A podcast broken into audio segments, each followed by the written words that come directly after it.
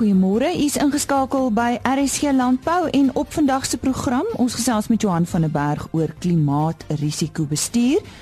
Dr. Fafa Malan praat met ons oor lamsiekte. Dan het die Karoo Ranching film gebeurtenis uiteindelik in Junie maand plaasgevind en ons gesels met die eienaar van die plaas en ook die dame agter die uh, wonderlike inisiatief Julie Trieter. En om hier af te sluit vandag, gesels Nico Groenewald van Standard Bank oor krediet. Is jy kredietwaardig? Wanneer is jy kredietwaardig? En wat beteken dit om kredietwaardig te wees? Bly ingeskakel. Gusti Pisani het tydens die RPO Noord-Kaap Kongres met Johan van der Berg gesels. Uiterste klimaatskommelinge is een van die grootste risiko's in die landboubedryf waaroor baie boere nie beheer het nie. Goeie kennis oor klimaat en klimaatsverwante risiko's kan egter help om die risiko's te bestuur. Johan van der Berg, bestuurder van gespesialiseerde oesversekering vir Santam Landbou, is 'n kenner op die gebied van klimaatrisikobestuur. Hy het tydens die RPO kongres met uh, landbouers gesels oor die bestuur van hierdie risiko's. Johan, Suid-Afrika het die afgelope jaar baie goeie reënval gehad. As jy na reënvalstatistieke kyk, wat wat is jou verwagting vir die volgende paar jare? Dink jy ons gaan weer 'n goeie reënval siklus hê? Ja, ek dink 'n mens moet net onderskei, daar's gedeeltes van Suid-Afrika wat goeie reënval gehad het. Ons somerreënval gebied het baie goeie reënval gehad. Uh tot op hede was die Wes-Kaap nou nog droog, maar dit lyk of dit verander. As 'n mens gaan kyk na die langer termyn, dan lyk dit tog uh vir die volgende tyd asof ons dalk bietjie in 'n beter siklus gaan inbeweeg. Uh as jy mens na die statistiek kyk, droogtes in Suid-Afrika is deel van uh die klimaat nog altyd gewees en dit sal so wees. En afhangende van waar in die land jy is, uh is die tydperk van droogtes korter of langer. So dis baie moeilik om om regtig waar vooruitskattinge te maak, maar daar is van die siklusse wat aandui dat ons vir die volgende paar jaar dalk in 'n beter siklus of in 'n beter situasie oor die somerreënvalgebied uh gaan inbeweeg. En uh mense moet maar daarvolgens dalk beplan en sien wat in die volgende seisoen of twee gaan gebeur. Hoe lyk hierdie ehm um, die karakter van so 'n klimaatrisiko wat jy nou van praat? Ehm um, en hoe kan hoe dink jy hoe kan die boere dit bestuur? Een van die goed uh, is dat droogte of ondergemiddelde reënvaljare en bogemiddelde reënvaljare uh in siklusse voorkom of agtereenvolgende jare. En dit is dink ek wat ons nie altyd in aanmerking neem nie. Uh is uh, as ons een droogtejaar of ondergemiddelde reënval jaar gehad het, is dit nie so ernstig nie. Maar as 'n tweede een kom en 'n derde een en as daar nog jare selfs met gemiddelde of bogemiddelde reënval kom, dan vat dit nog tyd vir herstel van hierdie. En dit is een van die goed wat ons moet inbou is om te sê maar uh, ons om te meet waar sit ons in terme van van 'n siklus en dat ons na ons boerdery self kyk en gaan kyk wat is die die water wat beskikbaar is, wat is die veiding wat beskik, beskikbaar is en daarvolgens kan 'n mens beplan dan uh en sê maar ons is deel van 'n siklus Uh en as dit dan beter gaan, dan moet 'n mens daarbey aanpas. As jy nou praat van 'n uh, uh, uh, klimaatvooruitsigte, ehm um, wat is jou verwagting uh van die klimaatsverwarming? Ons hoor baie van die klimaatsverwarming deesdae. Ehm um, gaan dit 'n groot invloed op die landbou hê? Mens moet onderskei tussen klimaatsverandering, 'n globale verwarming en klimaatsveranderlikheid. Daar is tekens dat die klimaat besig is om te verander uh of dit korttermyn veranderings of langtermyn voorspellings of langtermyn veranderings is dit is waar die die die die kontroversie kom en die onsekerheid dit kan 'n groot effek hê as klimaatsverandering besig is om plaas te vind soos wat dit tans plaasvind en dit aanhou kan dit 'n baie groot effek op landbouproduksie hê. Maar dit hoef nie net noodwendig negatief te wees nie As ons kyk wat het met mielieproduksie gebeur wêreldwyd en in Suid-Afrika selfs, dan uh, die laaste 30 jaar het mielieproduksie die ton per hektaar die opbrengste moet ten minste twee keer of verdubbel of meer as verdubbel. So dit gaan dat ons ook aanpassings kan maak rondom dit van die goed wat belangrik is is dat ons meer konservatief moet kyk en dat ons 'n langer termyn beplanning ook vir ons boerdery het en wat by hierdie kan aanpas dan. Wat verwag jy vir die volgende reënjaar ten opsigte van klimaatsvooruitsigte? Aanvanklik was die voorspelling so 'n maand of 2 terug dat dit 'n baie goeie kans is, so 60% kans dat ons in 'n El Niño situasie gaan inbeweeg. Maar hierdie tyd van die jaar is die voorspellings van El Nino baie onseker en die laaste maand het dit 'n uh, redelike draai getoon. En nou is die grootste kans amper dat ons meer na normale toestande toe kan gaan of laat see temperature in die Stille Oseaan redelik neutraal gaan wees en nie na El Nino toe nie. En dit gaan maak dat veral die sentrale en oostelike gedeeltes van die land se kanse vir reën redelik goed of ten minste normaal kan wees. Baie keer met met neutrale see temperature in die Stille Oseaan, al is dit nie El Niño nie, is daar tog droër droër toestande in die westelike gedeeltes. Maar dit lyk ten minste asof ons terugkeer na meer normale of gemiddelde hoeveelheid reën en meer normale reënvalpatroon wanneer die tyd van reën toe. Koos de Pisani, ons medewerker daar in die Noord-Kaap in gesprek met Johan van der Berg van Santam Landbou. Ons uh, gaan nou gesels oor lamsiekte en ons uh, is telefonies in verbinding met uh, eh, Dr. Fafa Malan, bekende veearts en uh, ons wil 'n bietjie met hom gesels oor uh, oor hierdie siekte. Hoekom praat ons nou juist oor die siekte? Hierdie lamsiekte word veroorsaak deur 'n gifstof en dis dit is die kiem wat uh Clostridium botulinum botulisme lamsiekte dis 'n bakteriese kiem wat 'n gifstof afskei. En hierdie kiem groei in proteïene. Nou hierdie proteïene is dan in ou karkasse. Ons dink nou aan hierdie brande wat nou wyd versprei voorgekom het maar ook in die wintertyd wanneer daar brande voorkom, dan brand daar skilpaaie dood en ons kry ook dat daar ander karkasse in die veld lê en diere wat dan 'n proteïentekort het, beeste en skape, ons noem dit pika. Hulle het dan 'n fosfaattekort en hulle eet dan van hierdie ou bene. Ehm um, maar dit kan ook in bale voorkom. Baie boere maak nou bale van gras en hooi En dan kan in hierdie bale kan daar slange of rotte of diertjies voorkom wat uh, opgeneem word in hierdie baalmasjien. En as hierdie bale en hierdie gras dan aan die hamermele gaan, dan kan dit vir diere gevoer word en hierdie gifstof is dodelik. Dis eintlik die mees dodelike gifstof wat aan die mens bekend is. En uh, my vriend Neil Fourie het uitgewerk dat as 'n mens soveel gifstof volume het soos 'n uriumkorreltjie kan daar 25000 beeste doodgemaak word. Ons weet ook dat boere in hierdie droogte tye of in die wintertyd uh hoendermis gaan voer. En in hierdie hoendermis kom dan ook kuikentjies of vere voor. En as hierdie dan ingeneem word en hierdie met in hierdie materiaal gegroei, dan kry ons dikwels groot vrektes wat voorkom. Ons kry ook byvoorbeeld in eh, hierdie waterkrippe en goed dat 'n voël dalk daar verdrink het of 'n rot of 'n muis. En as diere dan hierdie water drink, dan kan hulle vrek. Ons het selfs ook al gekry in hierdie watertanks wat 'n bobbejaan ingeval het en ook groot vrektes voorgekom het.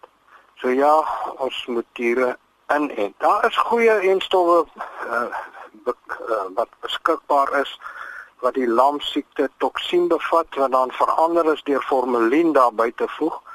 So dan verander hierdie toksien in 'n toksoïd wat dan die liggaam as dit ingeënt word in diere, dan dink die dier se immuunstelsel dit is die gifstof en dan bou hulle T-liggame op teen hierdie gifstof. So as boere ehm uh, lanklaas diere aangeënt het teen lamsiekte, onthou dit is 'n geïnaktiveerde enstof. As 'n mens dit die eerste keer toedien, dan moet daar ook 'n skraagdosis gegee word. Maar as hoendermis gevoer gaan word, dit gaan oor die hoeveelheid gifstof wat in die voer is of in op die veld is. En dan kan my mens selfs 3 keer inent. Ek weet van 'n geval waar daar 1000 beeste gevrek het waar daar net een keer geënt is en hoendermis toegedien is.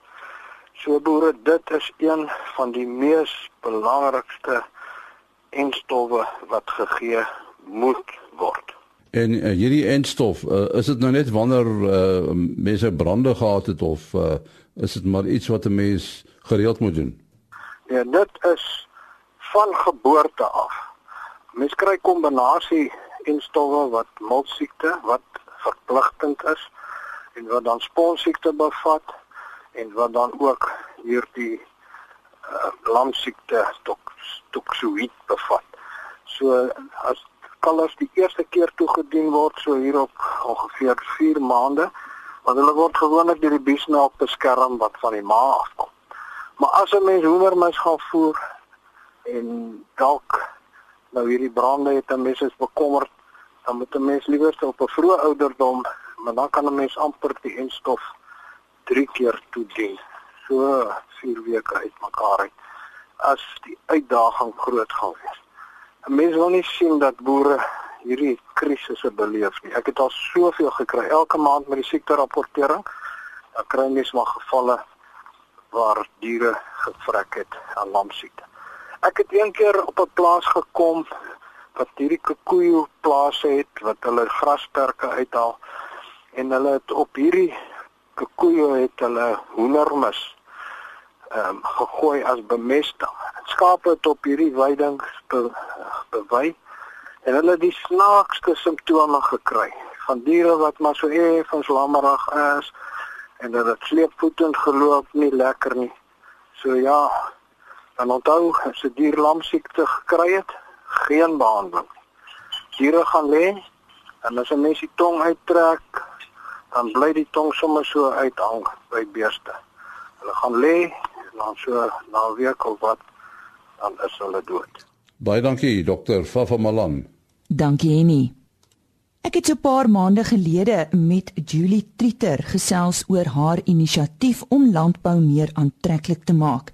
Sy het in die middel van Junie die Karoo Ranching film gebeurtenis aangebied en sy gee terugvoer kort nadat dit op haar plaas aangebied is.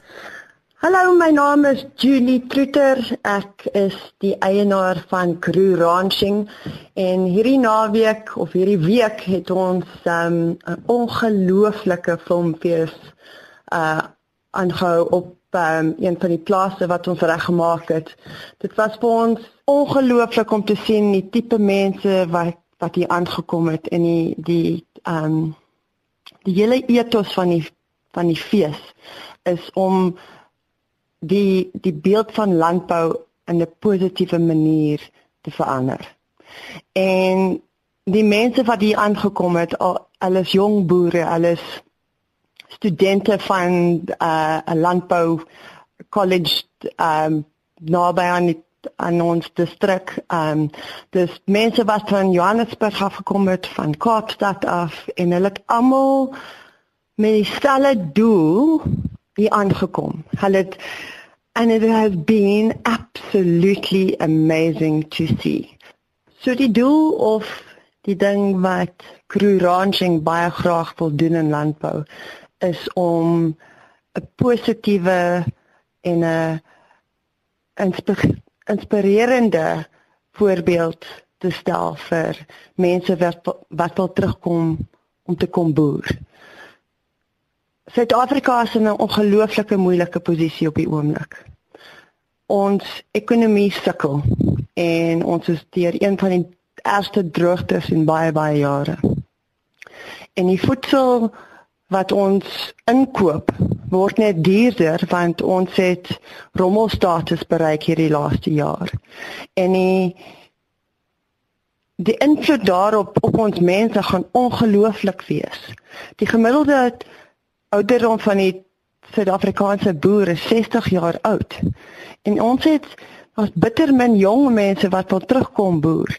En Karoo Ranching het dit gesien as as een van die as een van die mees belangrikste dinge wat hulle kan doen is om jong boere te inspireer. En wat ons by hierdie fees gesien het, is net ongelooflik. Ek kan nie eers vir julle sê hoe hoe diep dit 'n mens aanraak nie as jy swart jong entoesiastiese ehm um, studente sien wat by by colleges gaan gaan gaan aanmeld. It's incredible to see. Um and it's net for ons it's just been a humbling experience and it has been beautiful in every single aspect. So hoe die filmfees werk is dat daar uh verskillende kategorieë en temas is wat ehm um, filmmakers en fotograwe voor ehm um, opteken. En wat hulle dan doen is in 5 dae moet hulle moet hulle 'n 'n kort storie of 'n commercial documentary wat ook al die hulle die storie wil vertel, hoe ook al hulle die storie wil, wil vertel, kan hulle dit dan op hierdie tonele ehm um, kom van wat ons vir hulle opstel. So ons het uh, een van die tonele is um the cattle drive under the big Karoo sky. Then the second film set is at the lookout point with their 360 degree views and those are just cowgirls and cowboys on horses and sunset shots and it it is beautiful beyond words. En dan is die derde toneel wat ons um hierdie jaar gehad het was in die uh wat hulle noem die tech room. Dis waar al die sale en die tome en goed gebeure word en um ongelooflike lig wat daarin is en die fotograwe en filmmakers het net die mees ongelooflikste fotos en video's en goed geneem hierdie hierdie week vir enige iemand wat volgende jaar wil betrokke raak by die fees, uh, julle kan gaan kyk op ons webtuiste wat www.karooranching.com is. Ehm um, al die inligting is daar en hopelik sien ons julle volgende volgende jaar en ehm um, baie dankie. Karen Venter ons medewerker het uh, ander bydraes ook vir ons gestuur vanaf die Karoo Ranching Filmfees en uh, ons sal later ook hiervan uitsaai en dit was dan die eienaar van die plaas en ook die dame agter die inisiatief Julie Tritter. 'n Kredietaansoek bevat heelwat aspekte waarvan meeste boere onbewus is. Om in vandag se tyd nog kredietwaardig te bly, word al hoe moeiliker. Ek gesels nou met die hoof van landbou by Standard Bank Nico Groenewald oor die pad wat jou kredietaansoek stap en ander kredietkwessies. Nico verduidelik eers vir ons wat is kredietwaardigheid presies? Ek dink as 'n mens na kredietwaardigheid na die woord self kyk, lê die antwoord eintlik in die woord self. Dit, dit is basies hoe waardig is jou besig besigheid om krediet by 'n kredietinstansie te kry. Uh nou in die verlede of in ander markte spesifiek, nou kom ons sê nie in die persoonlike mark maak uh banke en finansieringsinstellings gebruik van uh uh geskiedenis om te bepaal hoe hoe waardig is 'n persoon om krediet te kry. Met ander woorde, gaan kyk na jou bepaalde kredietrekord by die instansie en dan ook by ander instansies en hulle gaan kyk ook nou na na aspekte soos wat op kredietbureau sit en daarvolgens bepaal hulle dan nou hoe waardig is 'n persoon om krediet te kry. As 'n mens na landbou kyk, is dit nie net 'n terugwerkende blik nie, maar ook 'n toekomstige blik. Met ander woorde waar ons dan nou spesifiek gaan kyk hoe lyk die toekoms vir so 'n kliënt uh, wat nie noodwendig 'n individu is nie, maar dit kan 'n maatskappy, 'n BK of 'n trust wees, so enige regsentiteit en hoe lyk daai besigheid se toekoms ten opsigte van die vermoë om krediet te kan terugbetaal oor 'n bepaalde tydperk. Ondervind julle dat boere se kredietwaardigheid die afgelope ruk afgeneem het en waarom? Ehm um, as mens kyk na landbouskuld in Suid-Afrika en ek dink die bedrag wat die departement van landbou onlangs uh, beskikbaar gestel het en as mens 'n paar van die eie berekeninge daarbey inbring, raak dit tans so aan 150 miljard rand vir vir vir landbou in Suid-Afrika wat nou nog die hoogste was wat dit ooit was van 'n nominale perspektief. So die totale kredietvlakke is redelik hoog. Het kredietwaardigheid afgeneem? Ek dink in 'n jaar waar mense so geweldige droogte ervaar, met praat ons spesifiek van die somersaai gebiede en met die moontlikheid van wat tans nou in die winterreënval gebied ook gebeur, ehm um, beteken dit dat jou vermoë om kontant en om wins te genereer uh, uh word onder druk gesit. En dan beteken dit eenvoudig dat jy van jou bates moet gebruik maak om dit verder te belas om dan 'n werkskapitaal of ander verpligtinge na te kom wat dan uiteindelik 'n impak het op jou finansiële status en jou vermoë om addisionele krediet op te neem. So dit het uh onder druk gekom as gevolg van hierdie toestande. Uh maar as mens nou na landbou in sy totaliteit kyk, is daar darm nou nog kapasiteit om krediet op te neem. As jy nou vir krediet wil aansoek doen, wat is die vier basiese vrae wat geantwoord moet word in in in so 'n aansoek? Man, ek dink die belangrikste vraag uh, wat 'n uh, enige finansiëerder wil uh, geantwoord hê is waarvoor word die geld geleen? En dit is 'n baie eenvoudige vraag, maar die antwoord kan redelik kompleks raak. Ehm um, dan word ons moet baie seker wees wat presies is dit wat ons gaan finansier. Uh, uh is dit om 'n oes uh in te sit of is dit 'n kombinasie van goed of word die geld vir dan 'n ander doel aangewend want dit kan 'n uh, impak hê op alles wat daarna gebeur. Die tweede vraag wat 'n mens of wat 'n krediet uh, verskaffer uh, wil antwoord is vir wie leen ons die geld? Nou dis ook weer eens 'n baie eenvoudige vraag en dit is in sy eenvoudigste vorm is dit dalk heel eenvoudig ek leen vir oom Koos of vir oom Piet en dit is die einde van die prent. Maar veral in kommersiële landbou waar die organisasiestrukture van boere en boerdery besighede redelik kompleks raak, uh, is die is die entiteit wat die geld leen en die entiteit wat die wat die terugbetaal vermoë genereer dalk verskillende entiteite en 'n mens moet dit goed baie goed verstaan sodat mens uh weet van watter entiteit jou terugbetaal vermoë gaan kom. So die tweede vraag is vir wie presies leen ons die geld? En dan natuurlik wil ek saam as ons sê wie leen ons geld, wat is die persoon of die entiteit se se kredietrekord? Dan die derde vraag wat net so belangrik is is wat is die terugbetalingsbron? Wat is die bron wat vir, vir die kredietverskaffer gaan sy geld teruggee? Wat is die termyn waaroor dit gaan plaasvind en en is daar risiko's rondom 'n proses wat die terugbetalingsbron moet bestuur? So dis die derde vraag. En dan laastens waarna ons kyk, is daar enigstens ander faktore wat hierdie risiko van terugbetaling uh, uh kan sagter maak. Byvoorbeeld, is daar iets wat die boer of die produsent op die tafel kan sit as 'n vorm van sekuriteit indien hy nie sou betaal nie in die nie die vermoë het om die lening ten volle terug te betaal nie om vir die finansieringsinstelling 'n mate van gerusstelling te kan gee van iets anders wat op die tafel is. Maar die terugbetaal vermoë van 'n kandidaat, hoe hoe word dit bepaal? Ek dink wat baie belangrik is, skuld word net deur een ding terugbetaal en dis deur kontant. En wins is 'n uh, 'n rekenkundige berekening en daar's 'n daar's 'n verband tussen wins en vrye kontant, maar dit is nie direk dit is nie noodwendig dat alle wins in kontant is nie. So 'n boer uh, of enige produsent besigheid moet baie uh, goed verstaan hoe sy vrye kontantvloei situasie lyk aan die einde van 'n uh, bepaalde tydperk. En of daai vrye kontant voldoende gaan wees om die lening te kan terugbetaal. So ons van 'n finansieringsperspektief uh, gaan bereken uh, gaan kyk spesifiek hoe lyk die vrye kontant. Wat ook daarmee saamgaan is is wat is die tydsraamwerk wat moet wat moet plaasvind. Ehm um, as 'n mens byvoorbeeld en die tipe van lening wat wat uh, die die kliënt voor aansoek doen. As 'n mens byvoorbeeld uh ehm um, boorde gaan vestig, dan praat 'n mens van 'n van 'n van 'n 10 na 15 jaar finansieringstermyn en dan moet 'n mens goed verstaan oor hoe lyk die vrye kontantvloei posisie oor daai tydperk.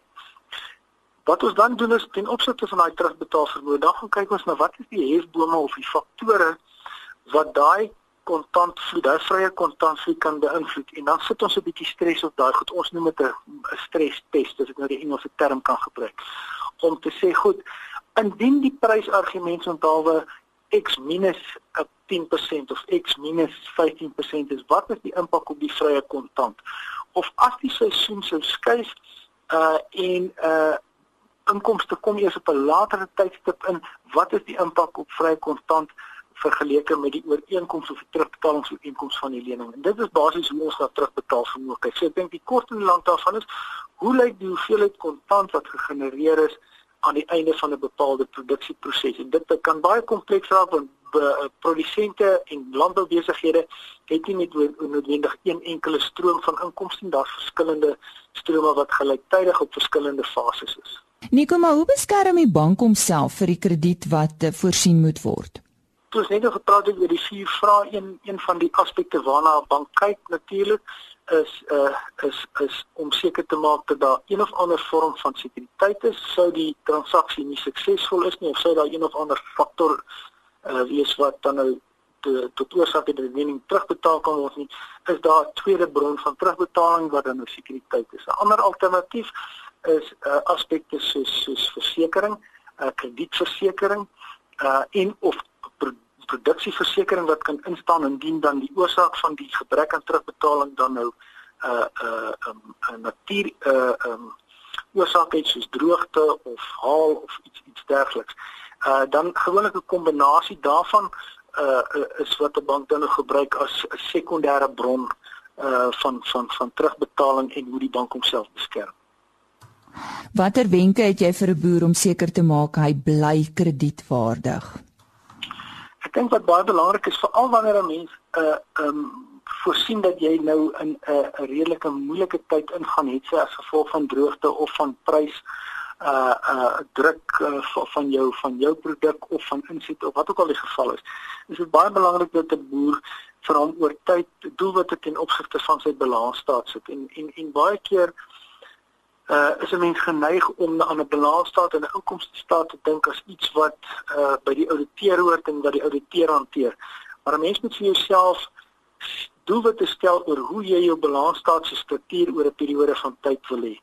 En dan as daar nou iets gebeur wat dan nou nie uh uh wat dan nou tot gevolg gaan hê dat jy nie van daai doelwitte kan haal nie, is dit baie belangrik om vroegtydig met jou met jou finansiëerders in gesprek te tree om seker te maak dat jy nie jou uh jou terugbetalingsskedule uh laat skibreek lê nie. Met ander woorde, nou moet jy 'n paaiement betaal en vir een of ander rede is dit nie betaalbaar nie, maar jy los dit nou en dit veroorsaak onmiddellik dan nou 'n uh, 'n uh, klap op jou terugbetaal vermoë want jy het, nou tegnies 'n uh, 'n uh, 'n uh, 'n uh, leningsooreenkoms nie nagekom nie.